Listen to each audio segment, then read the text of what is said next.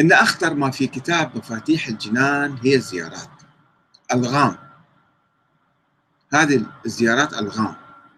قنابل موقوته التي يخاطب بها الشيعة الأئمة من أهل البيت عند زيارتهم لقبورهم. فيها مفاهيم والناس دائما يزورون ويقرون الزيارات والمفاهيم تجي بعد ما يعرفون القرآن شنو بده يقول النبي شنو قال الأئمة شنو قالوا. لا هو بعد هذا صار الوحي منزل هاي الزيارة.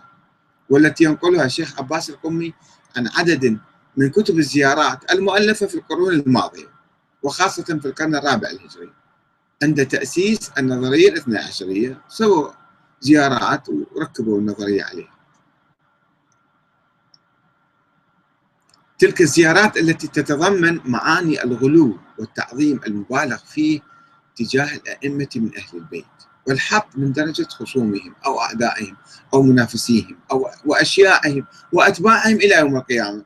ولدنا حالة كراهية وحالة عداء ضد بقية المسلمين بهاي الزيارات.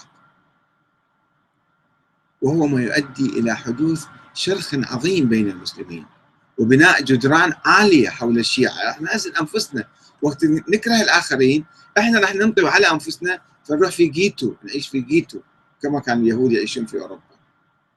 بس الجيتوات وننعزل بدل ما ننفتح ونتعاون ونتحد مع الآخرين راح إحنا ننغلق على أنفسنا. مع مما يسبب آه، يعني وإشاعة روح الحقد والكراهية والبغضاء آه، مما يسبب آه، ذلك من ردود فعل عدائية من قبل الآخرين ضد الشيعة. إحنا نكرههم ونعاديهم ونسبهم ونلعنهم فهم راح يسبون ويلعنون ويفجرون بعدين. وتتكثف هذه الخطورة من أن تلك الزيارات تشكل المنبع الرئيسي للثقافة الشيعية الشعبية.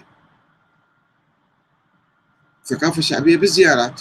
ما يقرون كتب ولا يعرفون يحققون ويدققون يجي السلام عليك يا أبا عبد الله السلام عليك كذا ويدسون الثقافة السموم في هذه الزيارات. طبعا حتى مشايخنا حتى علماءنا الكبار هم أيضا ثقافة شعبية عندهم لا يحققون ولا يدرسون ولا يقرون ولا يجتهدون ولا هم يحزنون. يعتمد على الزيارات أيضا. ولا الثقافة الشعبية التي لا تعرف كتب الفلسفة أو الكلام وإنما تواظب على قراءة تلك الزيارات بنية الحصول على الأجر والثواب. ويبلع بها السموم هذه. فإذا بها تقع, تقع فريسة الغلاة والمتطرفين الذين يبثون نظرياتهم وأساطيرهم وأحقادهم في عقول الناس باسم أهل البيت. وإذا سألت أي عالم محقق أو مجتهد خبير في علم الحديث عن تلك الزيارات لاكد لك ضعف أسنادها.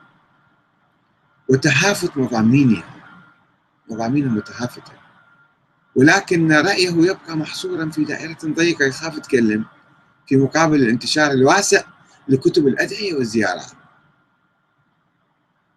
نسينا حتى الكافي. آه، مفاتيح الجنان هو إنجيل مصائر وخاصة مفاتيح الجنان اللي موجود في كل المراقد والبيوت والمساجد والحسينيات والناس يقرون الثقافة الشعبية وهالملالي يجي يقرأ الأدعية فيه ويعطون ثقافة للناس. فالثقافة الشعبية كلها اعتمدت على هالأشياء على ومن الأمثلة على تلك الأدعية والزيارات السلبية الزيارات آه، السلبية المغالية والمشحونة حقدا وعداء